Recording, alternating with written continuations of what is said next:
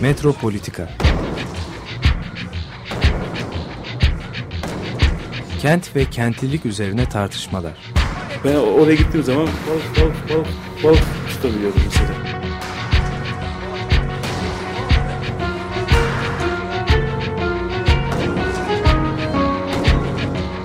Hazırlayan ve sunanlar Aysim Türkmen ve Deniz Gündoğan İbrişim.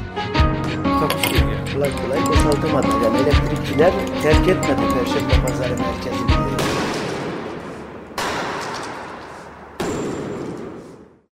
Merhaba sevgili Açık Radyo dinleyicileri.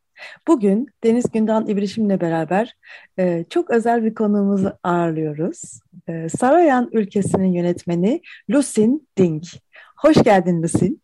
Hoş, Hoş geldin. Teşekkürler, hoş bulduk. 2013 yılında e, yapılan bu e, kurmaca belgesel e, filmi bugün tekrardan gündeme getirmek istedik. Dokudrama tarzındaki bu filmi çekmeye nasıl karar verdin Lusin? Hikayesini bize anlatır mısın? Yani şöyle oldu aslında. Biz zaten yani ben Ermeni Lisesi mezunuyum. Sonra da Bilgi'de okudum. Ee, biz böyle hani lisede zaten Saroyan görmüştük ama işte sadece şey e, bir iki öyküsü dışında öyle kitaplarını falan okumadık. O anlamda ben mesela Aras'ın çok önemli olduğunu düşünüyorum. Çünkü kitaplarını Aras çevirdi Saroyan'ın. Ee, benim aslında 2008'de böyle çok sevdiğim ve çok yakınım birinin ofisindeydi e, bir fotoğrafı. Böyle hani bakışıp bakışıp falan e, ne kadar enteresan bir adam diye bakıp sonra onun işte Saroyan olduğunu öğrenmem. Sonra Aras'tan çıkan hatta ilk okuduğum Ötekler Cesur'durdu. Zaten Saroyan okurken de görsel olarak görüyorsunuz aslında yani. Onun o kadar yalın bir dili var ki. Ee, dolayısıyla da şey hissettim birazcık. Hmm, hani benim böyle yetemeyen işte dilime bir ses oldu gibi hissedip e, zaten asistanlık yapıyordum. E, dedim ki olur mu olmaz mı bir deneyeyim. Böyle kafamda şekillenmeler de başlayınca hadi dedim e, öyle yola çıktım. Evet, e, aslında 1908'de Amerika'da e, doğuyor William Sarayan. E, ailesi Bitlis'ten göçmek zorunda kalmış.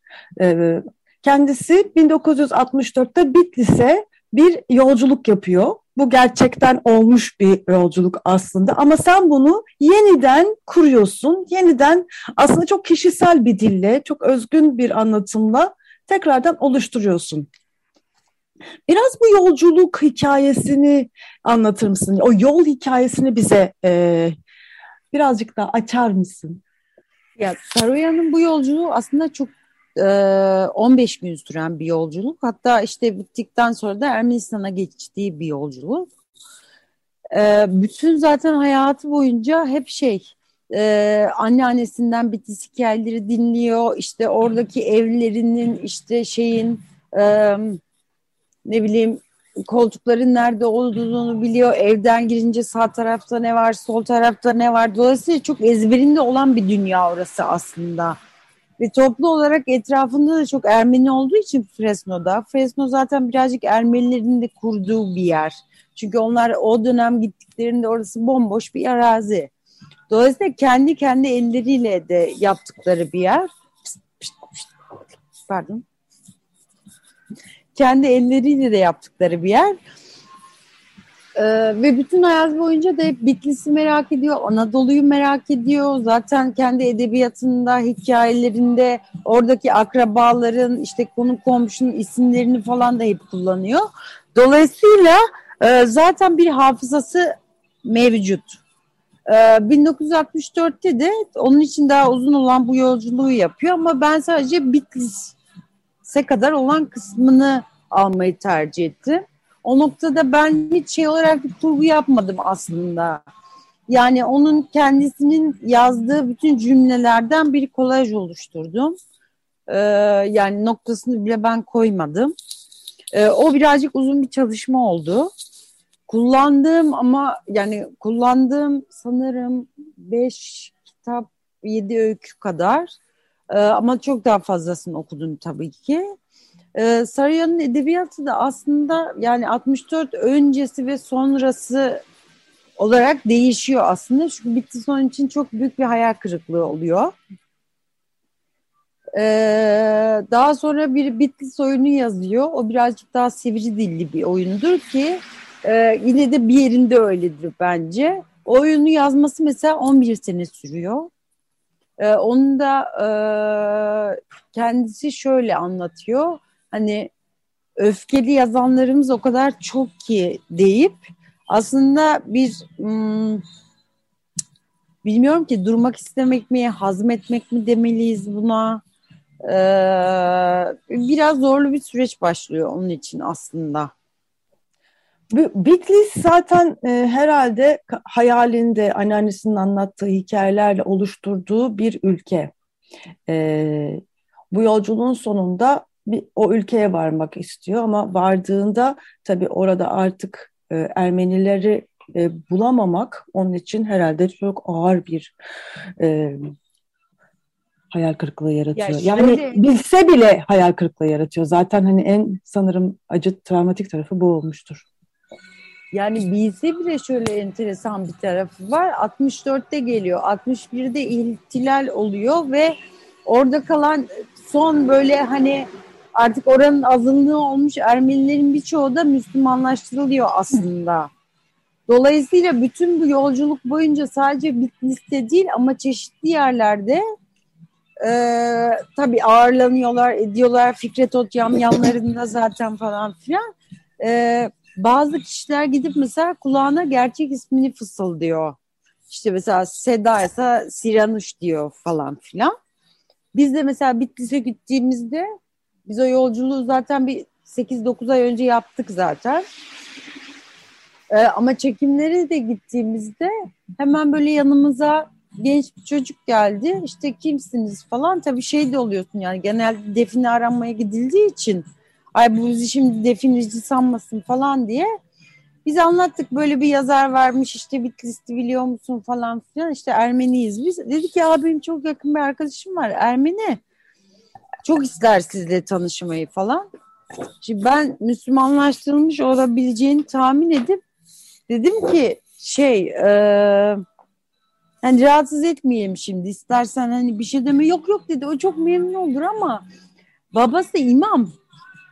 Hani o dedi memnun olmayabilir falan diye biz ben hani dedim yok hiç ses etme falan. O muhtemelen anlattı ama ben hani böyle oradan başka bir drama o dönem evlenmek istemedim. Ee, onun da bir zamanı vardır elbet diye düşünüp ya da onların zaten böyle bir şey öğrenmesi. Çünkü hikayenin kendisi bence zaten çok trajik yani. Hani oğlun Ermeni olduğunu kabul edip babanın kabul etmemesi o çok başka bir denklem. Gibi dolayısıyla Sarah'ın yaşadıklarını çekimde biz de üç aşağı beş yukarı yaşamış olduk. Hani filmin zamansızlığı da bence e, bu anlamda da sağlamalarla şey olmuş oldu. Hmm, şekillenmiş oldu bizim için. Evet ben burada aslında şey tam o zamansızlığa bağladığımız benim içinde yani filmde bana sirayet eden o zamansızlık belki de gerçekten buradan e, sizin de söylediğiniz gibi geliyor olabilir. Çünkü geçmişi aslında bugüne çağırıyorsunuz, bugünü geçmişe götürüyorsunuz. E, ben şeyi de çok merak ettim gerçi siz biraz bahsettiniz ama yani filmi Bitlis'te bitirme kararınız var ama sizin de tam dediğiniz gibi aslında e, Saroyan 64'te Türkiye'ye geldiğinde yolculuğuna Bitlis'ten sonra da devam ediyor. Antep'e gidiyor hatta e, Antep'te sanırım bir kitabının kendi Türkçe baskısını görünce şaşırıyor, Aynen. seviniyor. Ee, ve e, benim en çok merak ettiğim nokta hatta biraz böyle araştırmak istediğim nokta da e, Saroyan'ın aslında e, Türkiye'li diğer yazarlarla mesela Yaşar Kemal'le bir tanışıklığı oluyor o dönemde. Gülten Akın'la oluyor ki bu isimler evet. e, aslında hep hani e, belli bir direniş, belli bir e, politik söylem üreten de yazarlar ve ben çok merak ediyorum yani hiç şansınız oldu mu? İşte Yaşar Kemal, Gülten Akın karşılaşmaları ve aralarında doğan belki işte duygudaşlık, dayanışma gibi gibi e, böyle izlere rastladınız mı ya da öyle bir hani onu takip etme, o sürece yani, takip etme? Fikret Otyam'ın anlattıklarından bir de yazılanlardan ben de biliyorum. Yani o, ya orada tabii ki dil engeli gibi bir şey de oluyor. Ee, dolayısıyla birazcık yine şarkılar ve türküler üzerinden çok büyük bir ortaklık kuruyorlar. Orada benim en çok üzünlendiğim hikayelerden bir tanesi aslında Orhan Kemal'in hikayesidir. Çünkü Orhan Kemal çok çok tanışmak istiyor. Ee, ama parasız olduğu için onların bulunduğu yere gidemiyor. Ee, o benim birazcık üzünlü bir hikayedir aslında. Ee, diğerleri de gerçekten şey daha türküler üzerinden bir duygudaşlık kuruyorlar aslında. Dil meselesinden dolayı. Çünkü Sarayan Türkçe bilmiyor. Ee, o yüzden de o biraz şey oluyor. Gülten Akın'la ilgili bir şey hatırlıyorum ama tam hatırlamıyorum. Buradan kesersiniz artık. Şu an o hikayeyi hatırlamıyorum. Tamam. Çünkü benim aklıma hep e, yani Yaşar Kemal özelinde Gülten Akın'la evet Gülten Akın'la çok güzel bir tanışmaları bir şeyleri var. Çok da ağırlıyor hatta Gülten Akın onu. Ee, ama şey olarak demek ki hafızamda da yani özellikle Yaşar Kemal'le ilgili hep bir şey var. Yani bütün gece türkülerin söylendiği falan filan bir ortam kalmış hafızamda. Hı hı, tamam. Ama Orhan Kemal mesela net o çok hüzünlendirir beni. Aslında bu tarz keşke hani bu tarz karşılaştırmalı okumalar ya da çalışmalar daha çok yapılsa da arşiv olarak hani biz e, gerçekten hani ben bir edebiyatçı ve arşiv, edebiyat tarihçisi olarak çok merak ettiğim karşılaşmalar onlar. E, çünkü Yaşar Kemal'in e, bir de mesela Güney Afrika'daki apartheid da destek verdiği ve oradaki en e, sıkı e, anti-apartheid yazarlarıyla birlikte böyle bir e, konuşması ve dayanışması, tanışıklığı, temasları var. E, gerçekten hani bunlar çok benim en azından çok merak ettiğim şeyler. O yüzden hani sormak istedim size de. E, filmin e, anlatım dilinde de çok özen özel bir e, şey kullanmışsın. Biz Rayan'ı e, bir silüet olarak görüyoruz. Yani arkasından görüyoruz, bazen e, vücudundan görüyoruz. Şapkası hiç aklımızdan çıkmıyor, pardesesi hiç aklımızdan çıkmıyor ama e, bir e, aslında yüzünü görmediğimiz bir e, varoluş orada görüyoruz. E, bu neden böyle bir seçim yaptın? Nasıl böyle bir dil yarattın? Ee, yani o aslında ilk başta çok doğruyu söylemek gerekirse benim için çok böyle hislerime dayalı bir şeydi. Çünkü ben yani hani bir şey yapmaya karar verdiğimde zaten camlanan ilk imaj e, bir silüetti. Bunun çok tartışmasını yaptık yani izleyicinin zorlanacağı sonuçta sadece bir gölge olarak arada yine de gör, yani göstermek gerekir mi gerekmez mi falan diye. E, ben orada hislerimi ve izleyiciye inandım. E, birincisi şey ee, bir gölge olması belki bir sürü insanın bir taraftan da daha rahat özdeşlik kurabileceği bir şeydi. Bir taraftan bir hayaletin musallat olma çünkü yani bu, bu bizim yani Anadolu'da ve dünyanın aslında birçok belki şeyinde bu hani ruhları bir türlü şeye kavuşmamış hayaletler var ya bir sürü. Ee, dolayısıyla Sarayan'ın da onlardan biri olduğunu düşünüyorum ve son tarihte de bir temsiliyetti. Ee, belki de o yüzden hani çok başka ülkelerden yani sadece bizden değil e, çok başka ülkelerden belki bizlerin vakıf olduğu ya da dinlediği hikayelerin bir sürüsünü bilmeyen kişiler bile filmi izleyince bir özdeşlik kurabildiler. Çünkü en nihayetinde işte göçmenlik, sürgünlük dediğimiz şeyler çok evrensel ve çok e, ortak duyguda bence e, birleşebileceğimiz noktalar. Ee, o yüzden de önce kendi şeyimden yani hissiyatımdan yola çıktım. Gördüğüm imajdan yola çıktım. Ama işte tuhaf bir şekilde mesela e, ben o sırada master öğrencisiydim hala bilgide. 2015'te tezimi verdim. Tezimde çok Nermin e, Saybaş'ın neydi? Hayaletler ve Göçler mi? Ee, ve onun da tabii bir sürü yani alıntıgile falan üzerinde durduğu şey tam da bu hayaletlerin musallat olma edimi. Galiba sınır, da, sınırlar ve hayaletler keseceğim size ama sınırlar ve, ve hayaletler. Evet. Teşekkür ediyorum. Kendisine özür diliyorum. yani bazı şeyler de kuramsal olarak sonradan oturtabildiğimiz şeyler aslında yerine. E, tezi yazarken de ben kendi adımı bir sürü yerde de Laura Marx tekrar okudum mesela tezimi yazarken Skin of the Film falan. Onun da özellikle göçmenlerin film yapma pratikleri, biçimsel e, dilleri açısından ortaklıkları üzerinden kurduğu bir takım şeyler var. E, onun, o zaman bile ben şey dedim. Ha demek ki ben bunu ha anladım şimdi kendimi dediğim yerlerde oldu. E, dolayısıyla da o biçim hem bence daha önceki okuduklarım ve bildiklerimin çağrışımıyla ortaya çıktı. Ee, iki Saruyan'ı hep ön planda tutmak istedim. Ee, hep şeyde olsun istedim. Nedir o? Ee, sahnede. Ee, ve olabildiğince onu izlemeye çalıştım. Onun edebiyatını izlemeye çalıştım. Olabildiğince e, o ne anlattı ve dolayısıyla bu film ne anlatmalı ya konsantre olmaya çalıştım açıkçası. Biçim oluştururken de. Çünkü onun edebiyatı da biraz öyle. Yani Dikran Kuyumcuyan'ın da anlattıklarından zaten yani hiç şey değil. Zamanının yazarlarıyla falan da çok örtüşmüyor. Aslında dil bilgisini çok iyi biliyor. Dili çok iyi kullanan bir yazar. Ama bir şekilde de çok itilen de bir edebiyatçı aslında. Hani bu ne ki falan. Halbuki o kadar hakim olduğu için dile Hani zaten bir kereden yazıyor ve çıkıyor yani. Bir daha dönüp hiçbir şeyini düzeltmeyen bir yazar. Ee, dolayısıyla o şeyi biraz tutmaya çalıştım. O yapıyı, o belki yapısızlığı. Evet, bu filmin e, müzikleri de e, çok çok hoş. E, tam yol yolculuk müziği, yolcu müziği eşlik ediyorlar e, filmin içinde hepimize.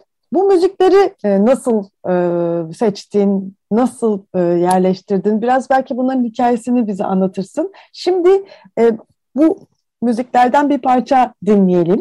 Müzik müzikler François Cotier'in müzikleri ve Tarkovski Quartet albümünden seçilmiş müzikler. Şimdi bu müziklerden dinliyoruz.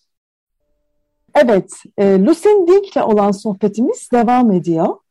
E, müzik e, Sarayan Land, Sarayan Ülkesi filminden François Cotier'in pardon, Cotier'in e, yaptığı e, Tarkovski Quartet albümünden dinledik. Şimdi e, Sarayan ülkesini konuşmaya devam ediyoruz. Evet, Sin, e, bu e, müzikler nasıl oluştu?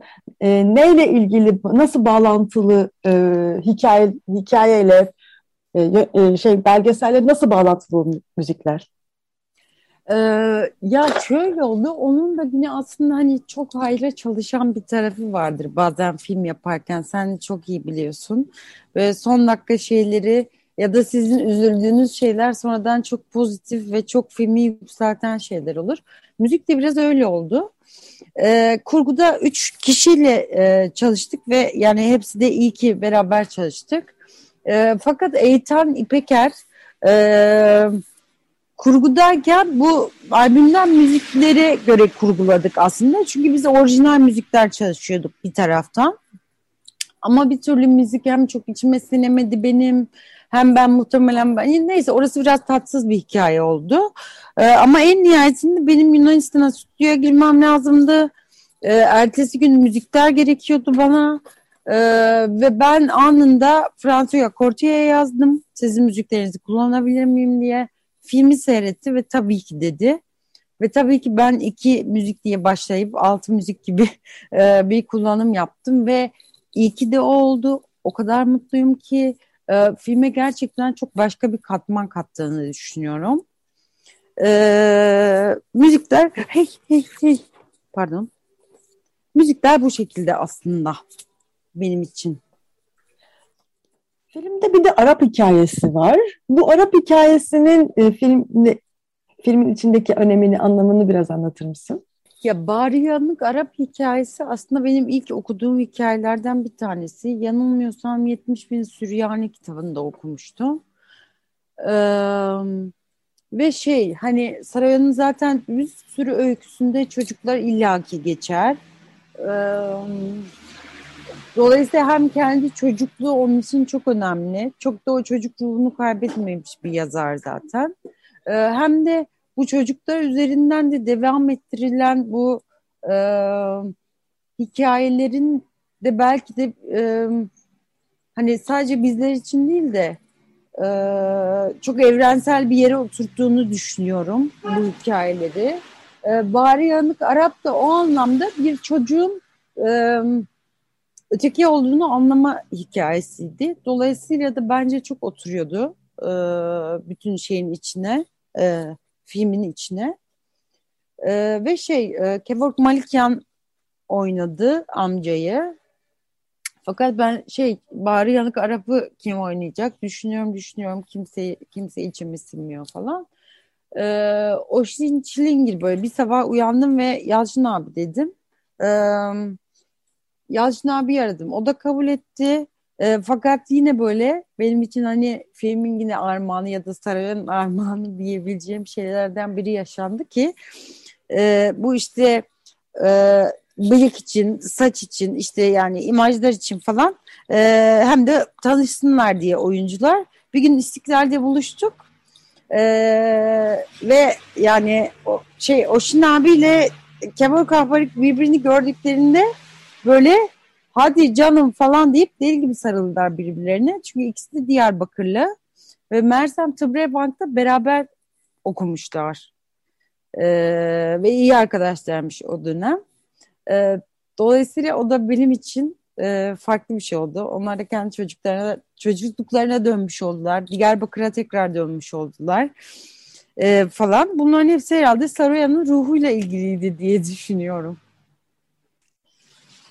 Buradan aslında tam e, sormak istediğim bu çocukluk ve ev konusuna belki ben de biraz bağlayabilirim.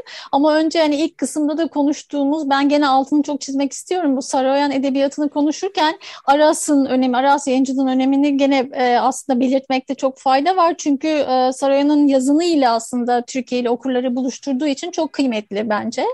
E, tam da sizin söylediğiniz yerde çocukların ve çocukluğun önemi ve rolü büyük e, Saroyan yazınında. Aslında kuşaktan kuşağa aktarılan e, bir geçmiş e, de var. E, kuşak konusu var, geçmiş var, çocukluk var, ev var ve e, çocukluğu da aslında bugüne çağırma var bence.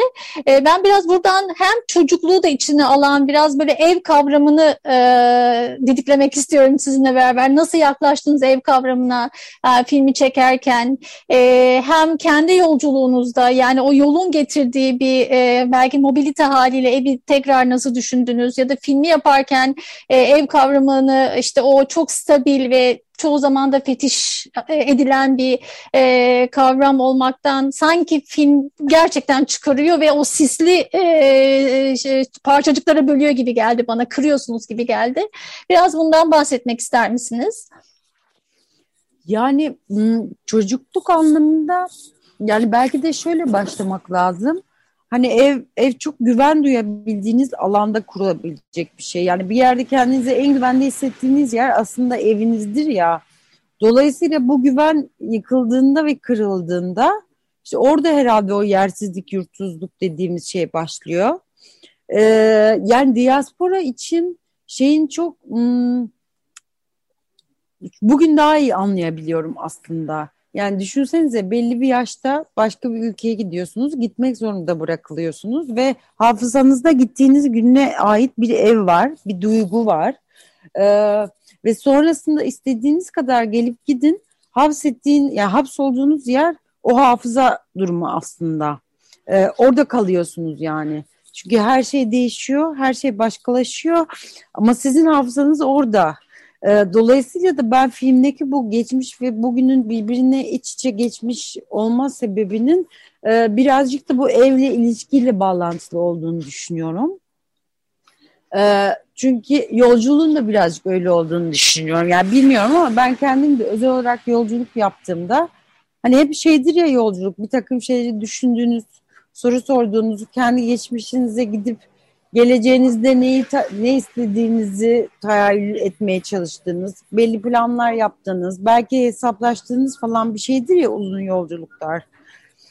Ee, dolayısıyla da hani bu yine bu duygudan yola çıkarak e, bu geçmiş ve geleceğin iç içe geçmesinin bu yuva kavramıyla örtüştüğünü düşünüyorum birazcık. Bilmiyorum siz ne hissettiniz? Ben de size sorayım. Bu noktada o zaman. E, e, evet ya aslında çok benzer işler ve olarak. e, seyirci olarak. E, ben de hafızanın tamamen aslında e, başka yerlere çarpıldığını ve göçebe aslında hafıza yani çoğu zaman hafızayı belli bir yere çiviliyoruz çünkü hafıza ve yer e, çok e, el ele gidiyor. E, ve aslında belki de e, Saroyan'ın ta en başında işte Fresno'da e, söylediği ben hem Bitlisliyim hem Ermeniyim hem Amerikalıyım bir vurgusu vardı. E, ve e, ister istemez o köklere Bitlis'e doğru yolculuğa e, çıkma arzusu vardı. E, ama aslında hani hafıza e, veya onun da e, belki de çevrelendiği ev öyle stabil bir şey değil. E, gerçekten çok e, kırılgan, hani bizi her daim belki de hayal kırıklığına uğratan, işte e, parçalanan bir şey. E, o yüzden ben de hep bu göçebe hafıza, işte göçebe ev kavramı ben ben de hep bu, bu soruları bu sorulara şey yaptı yani e, yol açtı diyebilirim. Bende de şöyle e, yani ülke kavramını tekrar tekrar düşündü. Land, e, Saroyan Land ve e, Saroyan ülkesi. Yani ikisi ayrı ayrı düşündürdü aslında. İngilizcesi de ayrı bir şekilde düşündürdü. E, ben tabii hayatımı mekanlar üzerinden e, yaşayan, onu mekanlar üzerinden düşünen bir insan olduğum için e, ve film bir mekanı birebir aslında hissettirdiği için yani e, ama korumaca bir şekilde de yani çok gerçek bir mekanı görüyoruz orada ama sanki bir düş e, mekan gibi kuruluyor. Yani tam Saroyan'ın aslında e, kendi kafasındaki mekanı kurma eylemini izleyiciye yansı, yaptıran bir film diye hissettim. Yani e, mekanın aslında ne kadar da e, bir yandan ne kadar materyal olduğunu hiç kaybetmiyoruz. Çünkü orada gerçek mekandayız. Ama diğer yandan da mekan hep bir hep e, sürekli Döngü. yeniden kurduğumuz, oluşturduğumuz bir şey. İkisi birlikte bu filmde vardı. Katılıyorum. Bence çok güzel bir özetti. O döngünün kendisinin olması. Ve buradan da aslında zaman yani zaman ve mekanın da aslında ayrılamayacağını ve ikisinin de e, çok lineer gitmediğini ve gayet döngüsel, kişisel hatta duyusal yani o kadar da ya o fi- filmde ben duyuları da çok hissettim. E, farklı bir dillendirme biçimi aslında. E, mekanı da belki duyular üzerinden, hissetme üzerinden e, okumak e, filmde bence çok e, farklı bir alan da açıyor bize diye düşündüm. Yani zamanla ilgili o dönem yani dönüp dönüp çok ince bir kitaptır ama John Berger'in mesela ve Yüzlerimiz ve Kalbim kitabına çok döndüm. Orada hep zamanla ilgili vurguladığı şeydir ya yani zaman bir birikme ve çözülmedir. Ee, maalesef biz o çözülmeye bir türlü varamıyoruz diye düşünüyorum. O yüzden de bu döngü bence mekanlar ve zaman üzerinden sürekli tekrar ediyor ve yani bunu sadece işte Ermeniler üzerinden yaşamayıp da hani kendimiz bugüne baktığımızda yani ben 40 yaşındayım mesela Ee, benim yaşıtlarım için tabii ki Beyoğlu çok önemli bir yerdi ama Beyoğlu bir zamanlar Pera'ydı. Ben mesela 10 senedir Nevizade'ye hiç girmemiştim. Birkaç ay önce girdim ve girdiğimde gerçekten çok yıkıldım. Bunu snob bir yerden söylemiyorum. Sonra yıkılmama kızdım. Çünkü dedim ki yani sen sadece bütün yani işte 10-15 senelik bir hafızana şey yapıyorsun. Ama çok yakın bir tarihte buradan Rumlar gitti. Buradan Yahudiler gitti ve e, senin şu an böyle daha şey bir yerden hayal ettiğin ya da kızdığın bir şeye düşünsene onlar neler hissettiler. Ve şu an onlar senin Beyoğlu dediğin şey Pera'ydı yani. Ve onlar kim bilir nereden bakıyorlar. Dolayısıyla böyle bir döngüsellikten bence bahsetmem mümkün. Böyle bir mekan ve zaman ilişkisinden. Tuhaf. Ee, benim bir de merak ettiğim, hmm, şimdi sen e, Ermeni Lisesi'nde e, Sarayan'ı okumuşsun. E, eminim izleyicilerden de e, şimdi Ermeni liselerinde okuyan ya da o dönem filmin e, yayınlandığı 2013 tarihinde Ermeni liselerinde okuyan öğrencilerden de bazı tepkiler aldın. Nasıldı? Farklılık var mıydı? O filme yaklaşımları nasıldı? Sarayan'la ilişkileri nasıldı? Eminim çok enteresan anekdotlar yaşanmıştır. Yani benim için şey tabii e, çok özeldi. İlk işte Galada İstanbul Film Festivali'nde Getronagan'dan da sanırım. Yani okullardan da gelen olmuştu. Sonra da gösterimlere yani hemen hemen birçok okuldan hani yaşları daha yani ortaokul lise öğrencileri gelip toplu gösterimler halinde seyrettiler gösterim esnasında. Ee, ama o ilk gösterimde mesela sanırım 15 ya da 16 yaşında bir çocuk mikrofonu eline aldı ve e, tam cümlesini tabii 10 sene geçti şu an kuramayabilirim ama e, ne kadar gururlandığını bir sinema salonunda Ermeniceyi duymanın e, ona ne kadar iyi geldiğinden bahsetti. E, ve bu benim için çok gurur verici bir şeydi. E, çünkü e, şey yani bir, bir külliyat okuyoruz biz tabii ki. E, ama şeyi bilmenin de çok kıymetli olduğunu düşünüyorum.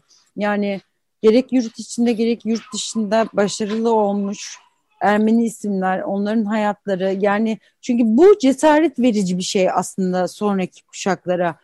Çünkü ister istemez hep şöyle bir şeyde olduğunuz için bir sus, hani bir konuşma, bir dinle. Ee, bu size söylenmiyor bu arada. Yani böyle hani sürekli evde hani öyle de zannedilir. Sanki hikayeler sürekli anlatılıyormuş gibi. Hiç anlatılmaz. Ama sanırım toplumsal bellek dediğimiz şey birazcık da böyle bir şey. Dolayısıyla öyle bir yerden geldiğinizde 15 yaşında sizin dilinizi sinema salonunda duyduğunuzda bu size bir kamçı olursa hani ne mutlu bana yani Saroyan başka neye ulaşmak isterdi ki zaten yani gibi hissetmiştim. Tam e, sen e, Sarayan'ı duymak istediğini söylerken benim de aklıma şey geldi. E, Türkçe, e, belki Türkçe değil, onu, ona emin değilim ama e, Ermeni kadın yazarlar var 19. yüzyılın sonunda ve e, hani çok az e, onlarla ilişki kurabiliyoruz. Halbuki yani Ermenice de yazmış olsa, Osmanlıca da ya da Türkçe yazmış olması çok da fark etmez. Bir, bir, müthiş bir çeşitlilik sunar. Keşke müfredatlarda bu kadınları mesela okuyabilsek. Yani hani o kadar daha geç başlıyor ki hani edebiyatla ilişkimiz. Halbuki e, mesela 19. yüzyılın sonundaki duyguları, e, yaşanmışları hiçbir şekilde yaşayamıyoruz. Böyle bir şeyden eksik kalıyoruz. Bunun çok önemli olduğunu, bir, bir e, bütünlüklü bir deneyim yani düşünebiliyor musunuz? Mesela e, hani Ermeni kadın yazarların deneyiminden de eksik kalıyoruz. Ya orada birazcık belki edebiyat ve sinema ilişkisini falan da konuşmak lazım. Yani e, bunun için illa e, böyle bir şey e, edebi bir guru falan olmanıza da gerek yok aslında. Ama üretimin her biçiminde bunlardan yararlandınız mı? Bunlar tekrar tekrar kendini var edecek şeyler aslında. Yani Saroyan mesela bir dönem unutuluyor. Ben Dikran Kuyumcuyan'a bundan bahsetmiştim. E, röportaja gittiğimizde Paris'e. O da bana şey demişti böyle çok cool bir tavırla. Ya hiç üzülme. Bütün büyük sanatçılar bir gün unutulurlar ama gün gelir tekrar e, hatırlanırlar ve tekrar e, nasıl diyeyim ortaya çıkarlar, parlarlar yani. Evet ya bir taraftan çok doğru. E, ve yani işte böyle bakmak lazım belki de. Evet kadın edebiyatçılar, e, onları da belki kadın sinemacıların hmm, konuşması lazım. Belki beraber ortak bir üretime geçmek lazım. Çünkü bugün artık hepimiz biliyoruz ki hani bağımsız sinema o kadar zor ki üretmek. Ee, bu anlamda da kolektifliğe bence her zamankinden daha çok ihtiyacımız var. Omuz omuza vermeye. Aslında tam burada araya girerek çok güzel şey söylediniz. Çünkü tam da aslında kanondan bahsediyoruz. Yani hem sinemada artık bence de hem edebiyatta kimin sesinin duyulduğu e, ve aslında o seçilen o kanondan bahsediyoruz. Ama e, bildiğim kadarıyla ve takip ettiğim kadarıyla e, özellikle on, senin Aysin söylediğin 19. yüzyıl Ermeni e, kadın yazarlarla ve daha sonrası için aslında e, özellikle hem... Aras. Evet Aras'ta ve Amerika Edebiyatı'nda yani Amerikan Akademisi diyeyim daha, daha, daha çok e, çok güzel işler yapılıyor. İşte mesela Melissa Bilal'in derlediği evet. e, Kadın Feryadı vardı e, mesela. E, mesela Isabel'den tutun diğer e, bir sürü önemli figürleri e, aslında tam da önümüze çıkartıyordu. E, ve gerçekten yani o çeşitliliği, söylediğin çeşitliliği e, biraz da o kurumlarda yani akademik e, kurumlarda aslında nasıl görebiliyoruz o çok önemli. E, ben de şunu şu gözleme ekleyebilirim. E, Saroyan genellikle e, benim gözlemlediğim Amerikan Edebi Akademisi'nde de daha çok mesela büyük buhran la eşleştirilmiştir. Yani e, Ermeni yazar, e, Amerikalı Ermeni yazar ama döneminde aslında o büyük buhran ve Amerika'nın e, getirdiği e, farklı bir konjüktörde daha çok değerlendirilmiştir. E, ve aslında şimdilerde de Amerika lise ve üniversitelerinde de Saroyan çok okutulmuyor. E, ve hatta e, Saroyan çalışanlar, akademisyenler, araştırmacılar yani bir elin beş parmağını bile geçmiyor bölümlerde. Hatta kendi memleketi Fresno'da bile California State University'de İngilizce bölümün ki çok şeydir hani e, çok eski bir bölümdür ve çok da klasik bir bölümdür. Mesela orada da Saroyan okutulmuyor Fresno'da olmasına rağmen. E, hani böyle bir unutuluş var evet ama başka türlü bir geri dönüş de var. Belki daha farklı yaratıcı çalışmalarla işte filmlerle e, tam da Lucy'nin dediği daha belki kolektif dayanışmalarla e, bence daha farklı bir şekilde de geri dönüşler e, olacaktır diye düşünüyorum. Ama şey gerçekten e, benim en azından hani Amerika'da doktora sürecimde de biraz böyle takip etmeye çalıştığım e, Saroyan'ın Amerika'da e, şu an için e, çok çok böyle bir hani e, etkinliği yok. Ve bu beni şaşırtmıştı yani böyle bir gözlem olarak paylaşmak istedim. Ya bu beni de şaşırtıyor ama bunun yani çeşitli sebepleri vardır herhalde diye Tabii. düşünüyorum. Yani bir kendinin de gerçekten kendi çağının yazarlarından zaten ayrılması. Çünkü hani biz genel olarak daha şablonları sev severiz ya bence insanoğlu olarak. Bir onların dışında olması e, yoksa aslında baktığınızda yani Pulitzer alıp reddetmiş. E, human yani insanlık komedisi Oscar almış falan. E, bir yazardan bahsediyoruz aslında. Yani ve işte o dönem Chaplin'lerle falan gezen ve işte beraber üreten falan bir insan. Ee, orada da belki birazcık kendimize de batırmamız lazım iğneyi. Ee, çünkü Saroyan öldükten sonra yani detayına şimdi çok girmek istemem ama totalde üç tane üç şey istiyor vasiyetinde. Üçü de yerine getirilmiyor. Ee, dolayısıyla da bence bu unutuşta da belki de bir takım insanların katkısı vardır diye düşünmeden edemiyorum ben. Ama parlayacaktır ve çıkacaktır diye düşünüyorum. Unutulmaz yani. Bir yandan e, işte Sarayan edebiyatı ama diğer yandan ben filmin de e, çok özgün o e, anlatım diline tekrar e, değinmek istiyorum. Görsel dili çok e, etkileyiciydi. Ben hep yeşil akan geniş geniş yeşil akan e, manzaralar olarak hatırlıyorum filmi.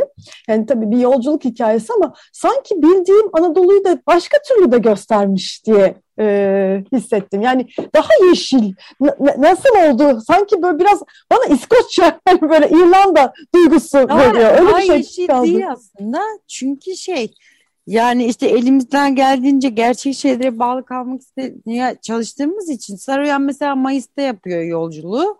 Biz de bütün o yolculuğu Mayıs ayında çektik. Dolayısıyla o iklimin tamamen öyle olması e, tabii ki arada da 50 sene geçmişti. İklim birazcık daha farklı olabilir ama hani birazcık siyah beyaz da olsa gördüğümüz fotoğraflardan falan çıkarttığımız şeydi. Öyle bir şeydi.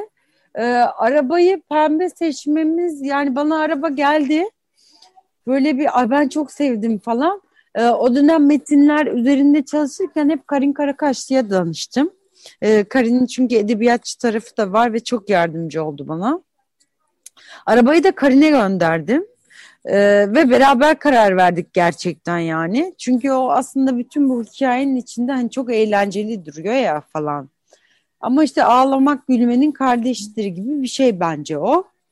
E, dolayısıyla da e, uydu diye düşünüyorum bilmiyorum. Bugün baktığımda da hani pişman değilim en azından.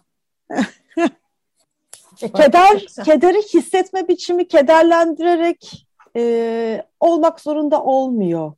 E, onu çok güzel. Bu, bu film on, onu çok iyi başarmış. Yani hakikaten bambaşka. Yani Mayıs'ın o canlılığıyla bu kederi beraber düşündüğümüzde, beraber hissettiğimizde aslında daha çok anlıyoruz, daha çok hissediyoruz. Ee, yani ağlayan bir film değil. O yüzden çok çok hoş bir dili var. O anlatım dilinin çok özgün tarafı bence e, bu kadar kederli bir e, hikayeyi böyle anlatabilmesinde. O da Saroyan'ın başarısı diye düşünüyorum ben. Çünkü dediğim gibi hep onun onun izleyenine gitmeye çalıştık. Ee, ne mutlu ki sizden böyle şeyler duyuyoruz. Hmm, yoksa şey aa, bilmem. Çok mutluyum böyle şeyler duyduğum için 10 sene sonra da.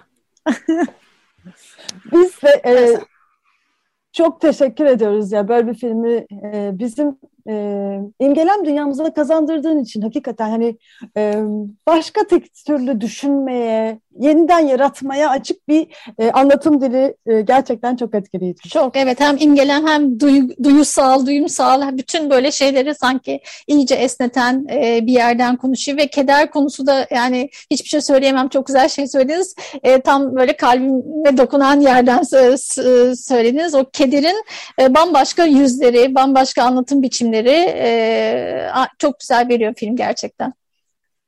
O zaman bitirirken son bir şey anlatabilir miyim? Şu an aklıma gelen. Tabii. Ee, bence bir sürü bir şey de özetlediği için bunu anlatmak istedim. Ee, filmin sesi üzerine çok çalıştık. Yani Saroyan'ı kim seslendirecek? Çünkü çok kendine özel bir dili var. Ee, ses tonu var daha doğrusu. Ee, ve sonuç olarak Amerika'da Aram Mıgırdiçyan seslendirdi. Aran'ın ailesi de Anadolu kökenli. Ee, benim yönetmen arkadaşım Erin ailesi de Anadolu kökenli. İkisi de Amerika'da yaşıyorlar.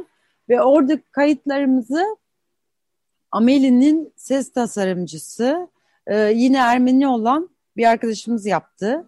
E, Loren Kasoyan. Ben, ben de orada tanıştım. E, ve şimdi baktığınızda şu da tuhaf bir şeydi gerçekten. Yani diaspora Ermenisi, Türkiye Ermenisi, e, bir kayıt stüdyosunda buluşuyoruz. E, herkes muhtemelen kendi dedeleri araya mesela yer yer çok güldük, araya yerler çok ağır geldi çünkü hep gelmek istiyor ama gelemiyor gibi. E, dolayısıyla da bu aşamada bence Sarayon'un bütün edebiyatında anlattığı yani dünyanın neresine gidersek sen git bulursun bir Ermeni ve o andaki hissettiğin coşku ve hüznüne e, bence eşdeğer ve özeti niteliğinde bir şeydi. Bu bağlamda da gerçekten filmde yer alan herkese buradan tekrar 10 sene sonra çok teşekkür etmek istiyorum. Bu kadar. çok sağ olun. Bu film için ve e, programımıza konuk olduğun için bir Sarayan ülkesini bize de açtığın için biz çok teşekkür ediyoruz e, Lusin. Çok güzel bir sohbet oldu. Çok e, hüzün verici bir hafta içinde bu sohbeti yapmak bizim için muazzam bir Evet. deneyim oldu. Çok, çok teşekkürler. Çok çok teşekkürler. Çok kıymetli ve e, gerçekten e, zihinlerimizi çok açan ve hem hüzünlendiren hem aynı anda coşkuyla dolduran çok çok değerli bir konuşma oldu. Çok teşekkür ederiz. Ben çok teşekkür ederim. Bütün sorularınız için ve tatlılığınız için. Çok sağ olun. evet. Bu hafta e, Lucinda Dink bu hafta Lucinda Dink'le beraberdik. E, William Sarayan üzerinden konuştuk. Ee, Saroyan Land, Saroyan ülkesi, Lucien Dink'in yönetmenliğini yaptığı bu film üzerine konuştuk. Ama programın sonuna geldik. İyi haftalar diliyoruz. İyi haftalar.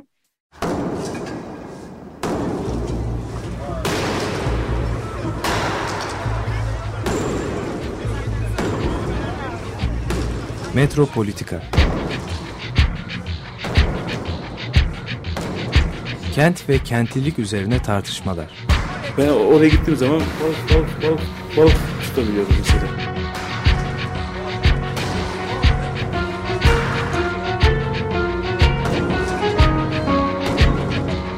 Hazırlayan ve sunanlar Aysim Türkmen ve Deniz Gündoğan İbrişim. Kolay kolay boşaltamadı. Yani elektrikçiler terk etmedi.